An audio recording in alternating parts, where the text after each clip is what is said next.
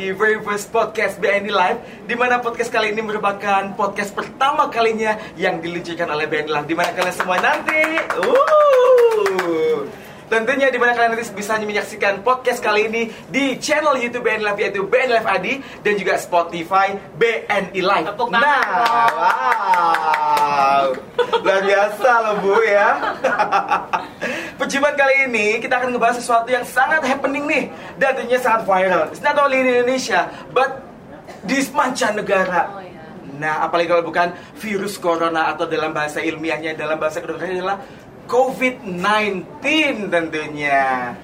Bagaimana Ibu? Betul, betul penyebutannya ya? Nah, pas sekali di samping saya ini ada dua wanita yang sangat cantik yang mana nanti akan menemani podcast pertama BNI Live. Yang pertama, dokter yang sangat alim alim soleha ya. Saya boleh bukan dengan dokter Dewi. Halo. Dokter gimana kabarnya dok? Baik, Luar biasa sehat dok. sehat. Dokter Dewi ini merupakan dokter yang masih aktif di Rumah Sakit Hermina Jatinegara dan sangat spesialis dalam hal penyakit dalam, betul? Betul ya dok ya? Dokter, bisa bikin tangga dok? Agak kenceng boleh dok? Boleh, boleh. Ah boleh gitu ya dok ya Sebelah kanan dari dokter Dewi ada artis yang sangat hits Fenomenal Wah. Siapa lagi kalau bukan Gracia Indri Halo. Gimana kabarnya cantik?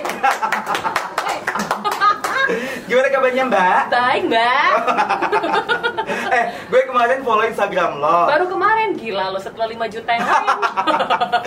Ini ada satu uh, foto lo yang menurut gue unik sih. Kenapa? Pa, pa, pa- kalau nggak salah waktu itu lo lagi nge-gym. Lagi olahraga. Nah, terus Ada emoticon. ada emoticon bu. Iya. Kenapa itu bu? Karena gue memang menginginkan six pack nggak jadi-jadi, jadinya gue mendingan tutupin. One pack ya bu ya. Tapi gila gue demen banget uh, dengan fit yang ada di Instagram lo itu bener-bener uh, influencer banget buat kita tau. Sebenarnya sih gue nggak ada niat untuk menjadi influencer ya, Mhm. cuma ya kalau misalnya memposting sesuatu setidaknya bisa membuat pertama membuat orang happy, Mhm. yang kedua bisa paling tidak mengikuti aja sih. Oh gitu ya membuat orang happy ya. Rahmatan lil alamin. Ya lu muslimah banget bukan ya? Oke Gracia sama Dokter Dewi Kali ini kita akan membahas sesuatu yang sangat viral nih tentunya ya. Yang lagi happening Yaitu virus corona.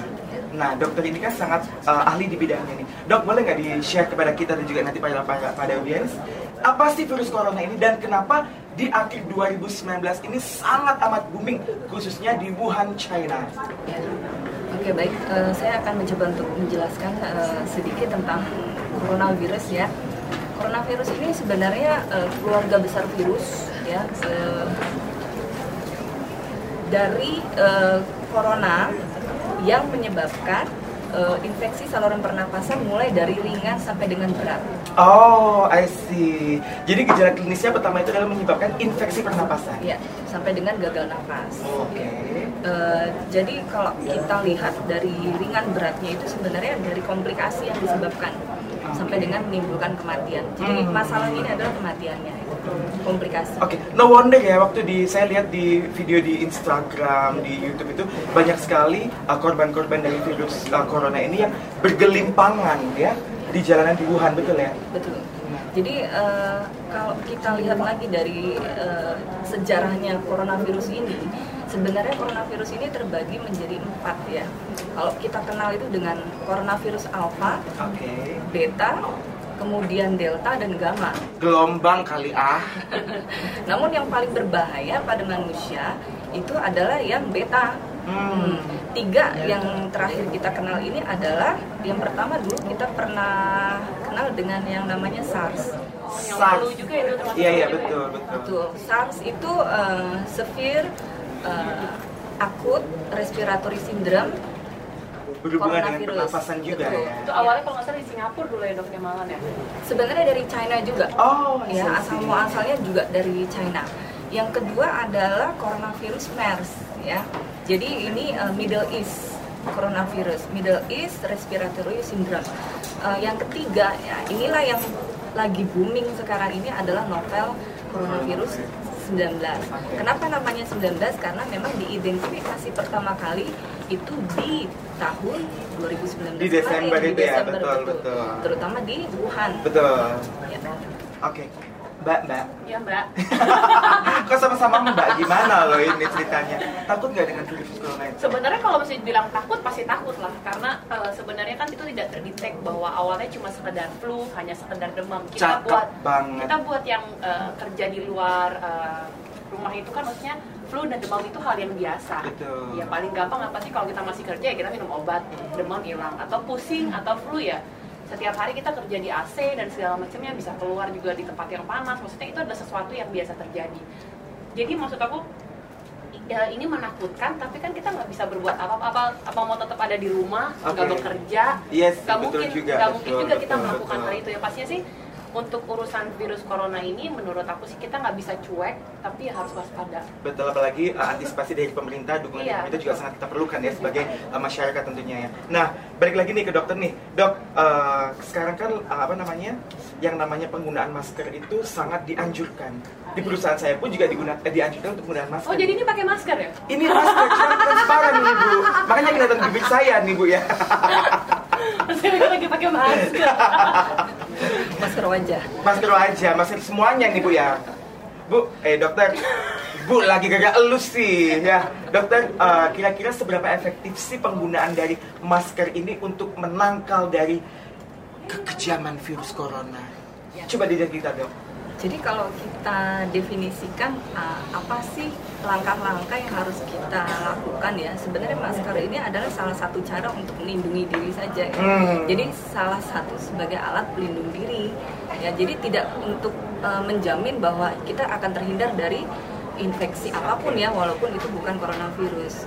Jadi pemakaian masker tidak hanya pemakaian masker tetapi cuci tangan yang bersih ke mana pun kita pergi harus selalu dengan awali kegiatan cuci tangan. Kemudian selain dengan cuci tangan, kemudian penggunaan masker yang baik dan benar sebenarnya kita eh, banyak nih yang saya lihat di luar sana kita lupa eh, bahwa penggunaan masker ini sebaiknya ditujukan oleh orang yang sakit. Oh, catat pemirsa, penggunaan masker itu bukan untuk orang yang sehat, tapi untuk orang yang sakit. Jadi kalau Anda sehat, jangan beli masker, begitu? Karena eh, saya lihat ini di luar kan sedang heboh ya, banyak orang yang memborong masker ya. Betul, betul. Oleh karena kepanikan. Sampai apalagi harga manis sampai tiga ratus ribu per boxnya Ya, ya. kayaknya enggak. Maksud maksud aku kalau misalnya kayak gitu, emang sempet sih. Kalau misalnya aku sendiri menggunakan masker bukan baru-baru ini aja. Maksudnya Oh, oke. kayak ke bandara apa segala macam memang memang menggunakan masker. Kadang-kadang kitanya pun jadi lagi nggak sehat gitu, nggak mau menularkan virus pada yang lainnya. Kayak kemarin sempat ke beberapa mall, sempat ke beberapa apotek, mau nyari masker aja susah, hand sanitizer aja susah Oke. gitu. Akhirnya eh, ketika datang, ketika di dropin masker, maksimal orang cuma eh, boleh lima. Oh, Maksudnya sih. kenapa orang sampai Sampai segitunya gitu lah ya. Sedangkan mereka tidak membaca, Betul. tidak membaca lebih detail lagi sebenarnya apa Setuju. tujuan dari masker Setuju. itu. Nah, Gracia, uh, tadi kan penggunaan masker ini kan uh, sesuatu yang notabene ditujukan untuk yang Ya. si sakit, bukan yang sehat. Nah, gua ngelihat lu kan adalah artis nih, which is lu ketemu dengan orang-orang itu banyak Ya, sekali ya. dan setiap hari pasti ketemu dengan orang yang mungkin kita nggak tahu nih dia sakit atau sehat nih. Nah, lu ada para parno sendiri nggak sih dengan hal kayak gini? Sebenarnya kalau misalnya ngomongin soal virus kan nggak cuma ada virus corona sekarang, Yes, sekarang ini betul. aja. At least lu ketika ketemu sama orang yang flu lu bisa kena flu.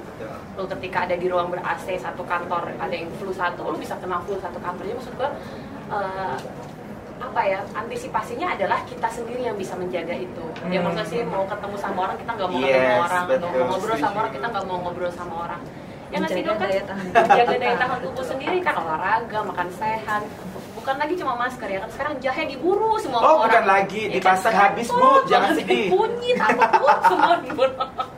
ya maksudnya lebih menjaga em, lebih menjaga daya tu- tahan Daya tahan tubuh sendiri, kali ya. Oke, oke. Nah, ini nih dok, kan hampir semua negara yang ada di Asia khususnya, mulai dari Jepang, Korea, China sendiri, ini kan apalagi destinasi, favorit dari para traveler Indonesia nih tentunya nih. Iya. Ada rencana ke Jepang bu? Adekku di cancel. Oh si itu, siapa? Gisela Cindy, iya. Gimana kabarnya? Baik, dia kebetulan mau pergi ke Jepang ternyata eh, ada pembatalan. Travel alert dari pemerintah ya? Jadi maksudnya ya eh, kalau dibilang wah rugi apa segala macam ya itu buat buat sesuatu hal yang baik. Ya, Hmm. Kenapa kita harus protek tentang hal itu? Oke. Kalau dari gue pribadi setiap orang punya punya pandangan sendiri lah tentang hal ya seperti itu. betul betul nah kalau dari sisi dokter nih dok eh, perlu nggak sih kita benar-benar sebagai seorang yang notabene sangat cinta dengan traveling apalagi ke negara-negara yang notabene banyak sekali kasus ada ditemukan kasus cor- coronavirus Nah, ini perlu nggak sih kita sangat amat memperhatikan uh, himbauan dari pemerintah terkait uh, travel alert seperti itu dok? Sebenarnya kita harus juga memperhatikan bahwa uh, mana negara-negara yang memang telah terjangkit ya. Hmm. Jadi sebenarnya tidak semua itu di travel ban. Oke. Ya, jadi tidak semua negara. Jadi uh, biasanya nanti ada pelaporan. Apa aja dok negara yang di ban sama pemerintah Indonesia dok? Di antaranya yang sudah memang uh, confirm ya, confirm dengan virus corona itu pasti Cina ya, Cina, Uh, dari provinsi Hubei, uh, Wuhan, kemudian ada Thailand, kemudian Singapura, Jepang, Korea Selatan. Oh betul. Uh, apalagi para K-popers ya, Iya, K-popers itu. Kalau nggak salah sekarang korban uh, virus corona ini nomor dua adalah Korea, Korea, betul betul, ya terbanyak. Ah. Ada 18 sekitar 18 uh, kasus kematian di Hmm. sana.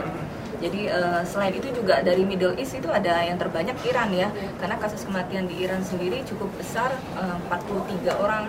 Ya ini yang terupdate ya uh, di 4 Maret. Kemudian uh, negara lain itu ada USA, Kanada, Italia, Spanyol, Oke. juga beberapa negara lain seperti UK juga itu uh, salah satu dari daftar negara yang memang dinyatakan terjangkit. Oke. Kenapa sih cepat banget? Betul. Maksudnya kenapa sih bisa cepat banget? Maksudnya kalau hari ini misalnya diumumkan sama negara baru dua atau tiga orang, Betul. tiba-tiba besokannya juga udah 10, 20 orang. Yes. Kenapa bisa cepat banget sih? Karena spreadingnya memang dia uh, airborne disease sifatnya. Oh. Jadi uh, menularnya itu lewat udara, sama seperti kita sakit flu biasa ya. Uh, pneumonia juga sama sebenarnya airborne disease jadi termasuk penyakit yang menular lewat udara Jadi sangat gampang ya untuk uh, menularkan virus ini ya hanya dengan udara, mungkin dengan suhu berapa kontak gitu ya. sputum juga ya jadi uh, memang uh, sebenarnya ini lebih diarahkan kepada bahwa kita hindari kontak langsung dengan penderita Oke. yang terkonfirmasi dengan uh, nCoV-19 ya. Yang pertama yaitu uh, sputum atau dahak ya kan Ah. yang langsung bisa menulari ya.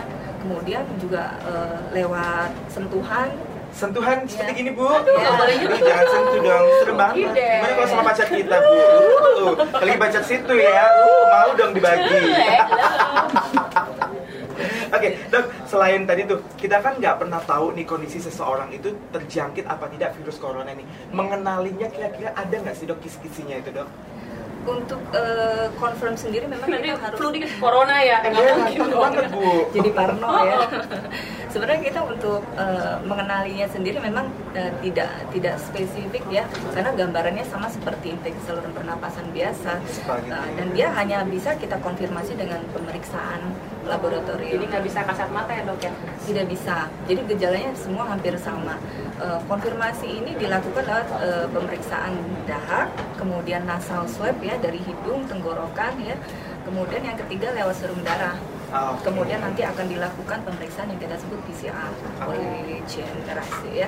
Dok, benar nggak sih kan kemarin tuh sempat ada berita hebohnya adalah bahwa oh Indonesia nggak akan kena karena virus itu akan mati ketika eh, ada di suhu udara 23 derajat. Iya, iya betul. Berarti itu nggak benar dong dok? Sebenarnya itu masih simpang siur ya, artinya belum sampai sekarang peneliti juga belum bisa membuktikan eh, teori tersebut, betul. Itu hanya eh, pandangan beberapa orang tertentu. Tetapi eh, peneliti sendiri atau para ahli sendiri belum belum belum berani Belum untuk confirm ya confirm. itu. Tapi uh, ini nih menjawab para netizen yang budiman itu bahwasanya mereka kan ngejudge nih pemerintah Indonesia kayaknya kurang tanggap dengan adanya isu virus corona ini. Terbukti kok di kantor-kantor itu sudah mulai dipasang alat-alat ini loh kan? Yang ditempel, suhu iya ya. betul Bandara kan suhu juga ya. Di bandara bandara juga juga. kan. Dan terkonfirm minggu kemarin kalau nggak salah ada dua ya. Yang artinya Indonesia bisa dikatakan sudah siap dengan kondisi seperti saat ini, gitu ya dok ya? Ada 100 lebih rumah sakit ya dok ya kalau nggak salah yang disampaikan eh, Bapak jejaring Presiden ya, ya. artinya Jaringan rumah sakit untuk ya. rujukan, sebagai Rujukan. pusat rujukan. Untuk di DKI sendiri kita sudah eh, mengumumkan 8 rumah sakit eh, sebagai pusat rujukan eh, dari kasus coronavirus ini. Oke, nah by the way nih selain tadi pencegahan yang namanya uh, pakai masker mungkin, kemudian cuci tangan, menggunakan hand sanitizer, kemudian uh, menjaga pola pola uh, Makan makan dan juga pola hidup sehat ya dok ya. Nah, uh, saya kemarin sempat membaca sebuah artikel bahwasanya sudah ditemukan yang namanya uh, antivirus corona, betul nggak sih? Eh, sampai saat ini memang eh, kami beberapa waktu lalu pernah kita menyatakan bahwa sampai saat ini belum ditemukan vaksinasi apa pun satu pun belum ditemukan vaksin untuk uh, antivirus ini ya. Tetapi uh, beberapa orang di luar sana mungkin mengkonfirm bahwa ini obatnya, itu obatnya ya. Tapi uh, dari kami sendiri belum menyatakan ya. Oh sama kayak tadi lo sampaikan tuh yang apa empat vaksin tadi ya. Iya, Ternyata itu belum ada jaminan ya. empat vaksin, tiga apa empat virus, vaksin untuk empat virus dan juga vaksin untuk tiga virus. Jadi itu sebenarnya itu untuk menjaga supaya daya tahan tubuhnya nggak gampang kena flu aja sebenarnya. Mungkin yang dimaksud adalah vaksinasi untuk influenza. Oke. Memang kita punya uh, beberapa vaksin seperti vaksin pneumonia ya. Ada sudah ada vaksin untuk influenza, tetapi itu hanya untuk strain virus tertentu saja. Untuk virus nCoV-19 ini kita memang belum punya. Ah. Jadi banyak sekali ya mitos mengenai virus corona ini mulai dari eh, harus pakai masker mulai dari orang sehat apa Nah, tidak. tapi dok kalau misalnya sekarang sudah ada yang terjangkit dan dianggap positif, bisa sembuh atau enggak? Bisa. Jadi begini, eh, kalau kita bandingkan angka kematian kasus eh, nCoV-19 ini jika dibandingkan dengan kasus MERS, COVID, dan SARS-CoV, jadi ada tiga virus yang kita bahas yang memang menularkan eh, dari manusia ke manusia. Ah, Itu sebenarnya angka kematian nCoV-19 ini adalah yang paling kecil. dibandingkan dengan dua di antaranya tadi tuh. Betul. Kenapa begitu? Dibandingkan dengan tahun 2002, kita punya kasus SARS ya. eh, itu hanya punya angka kematian itu hanya sekitar 10%. Oh. Kemudian eh, kasus MERS, Middle East Respiratory Syndrome, coronavirus itu angka kematiannya justru paling, lebih besar, paling tinggi ya, eh, sekitar 34% dari kasus yang terjangkit ya. Nah, di saat ini nCoV-19 itu hanya sekitar 3,7% terupdate di 4 Maret. Oh. Itu berdasarkan data dari eh, Kemenkes ya. Kemenkes ya. Yang Jadi artinya uh, virus corona ini probabilitas untuk bisa sembuh itu sangat besar ya. masih besar kemungkinan. Betul. Dan kemarin itu ada artikel yang gue baca itu di Vietnam kalau nggak salah hampir 100% orang yang terjangkit corona itu bisa sembuh total ya dok. ya? Iya. Nah ini kalau saya pernah membaca mengenai virus, sebenarnya virus ini tidak bisa hilang ketika seseorang teridentifikasi virus itu. Hanya bisa ditekan betul nggak sih dok? Eh, berarti kita bicara tentang apakah satu virus tersebut dormen kan maksudnya ya, Ya. artinya tidur eh, Ya, pernah terinfeksi kemudian eh, menetap atau bahkan bisa eh, muncul kembali gitu. Nah ini kemarin juga kita sempat bahas masalah ini tentang dormen atau tidaknya virus nCoV-19 memang belum bisa juga ditentukan Oke. oleh para peneliti karena masih berlanjut karena penelitian ini masih terus berlanjut usianya masih terlalu sangat muda ya, Iya, dini, baru betul. tiga bulan karena eh, pertama kali kasus pelaporan itu di 31 Desember Betul. kemudian ditegakkan diidentifikasi pada tanggal 7 Januari di Wuhan Hmm. maka eh, para ahli taksonomi virus juga sedang masih Dalam proses juga ya, penelitian ya. Oke, gue mau tanya buat Kak Gracia Indri yang sangat cantik tapi tetap gue lebih cantik. Pastilah. Kak, eh, lo tuh artis ya, tadi gue bilang kan. Nah, ada nggak kebiasaan yang lo kurangin untuk mengantisipasi diri lo supaya tidak terkena virus corona ini? ya gimana kita ker- gimana mengurangin sekarang gimana caranya mau Nggak dapat masukan ya Bu ya? mengurangi untuk nggak ketemu orang kita kerja pasti ketemu sama orang. Betul. kita kerja ada di satu tempat kita kerja di kantor kita kerja di studio itu kan pasti selalu berhubungan dengan orang.